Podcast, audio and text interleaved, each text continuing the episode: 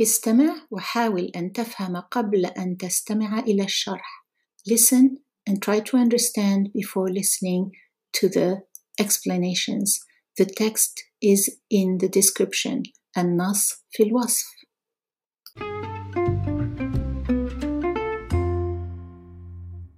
قد تكون بعض العادات الصباحية كالتمارين الرياضية والتأمل مفيدة لصحتك، ولكن بعضها قد تفسد يومك لأنها لا تناسب ظروف حياتك أنت.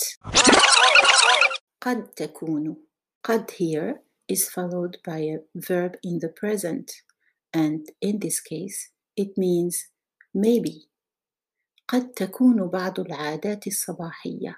some morning habits maybe كالتمارين الرياضية والتأمل like sports exercises and meditation قد تكون مفيدة maybe beneficial لصحتك to your health ولكن بعضها but some of them قد تفسد يومك قد تفسد may ruin قد تفسد تفسد here is in the present so قد means maybe may ruin قد تفسد يومك may ruin your day لأنها لا تناسب ظروف حياتك أنت because they don't fit ناسب يناسب is to be appropriate and here it means to fit may not be appropriate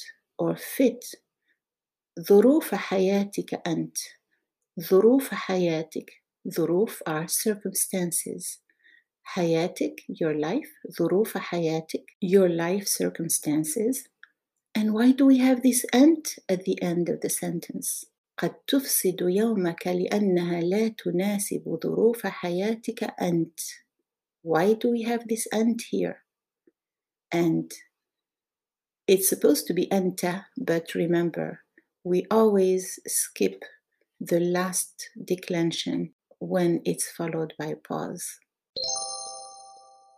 Well, you know how in English you say they may ruin your day, stressing the your?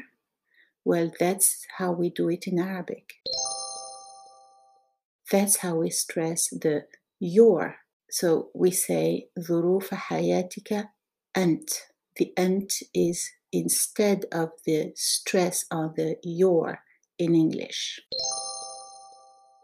Check out my books on Amazon. انظروا إلى كتبي في Amazon.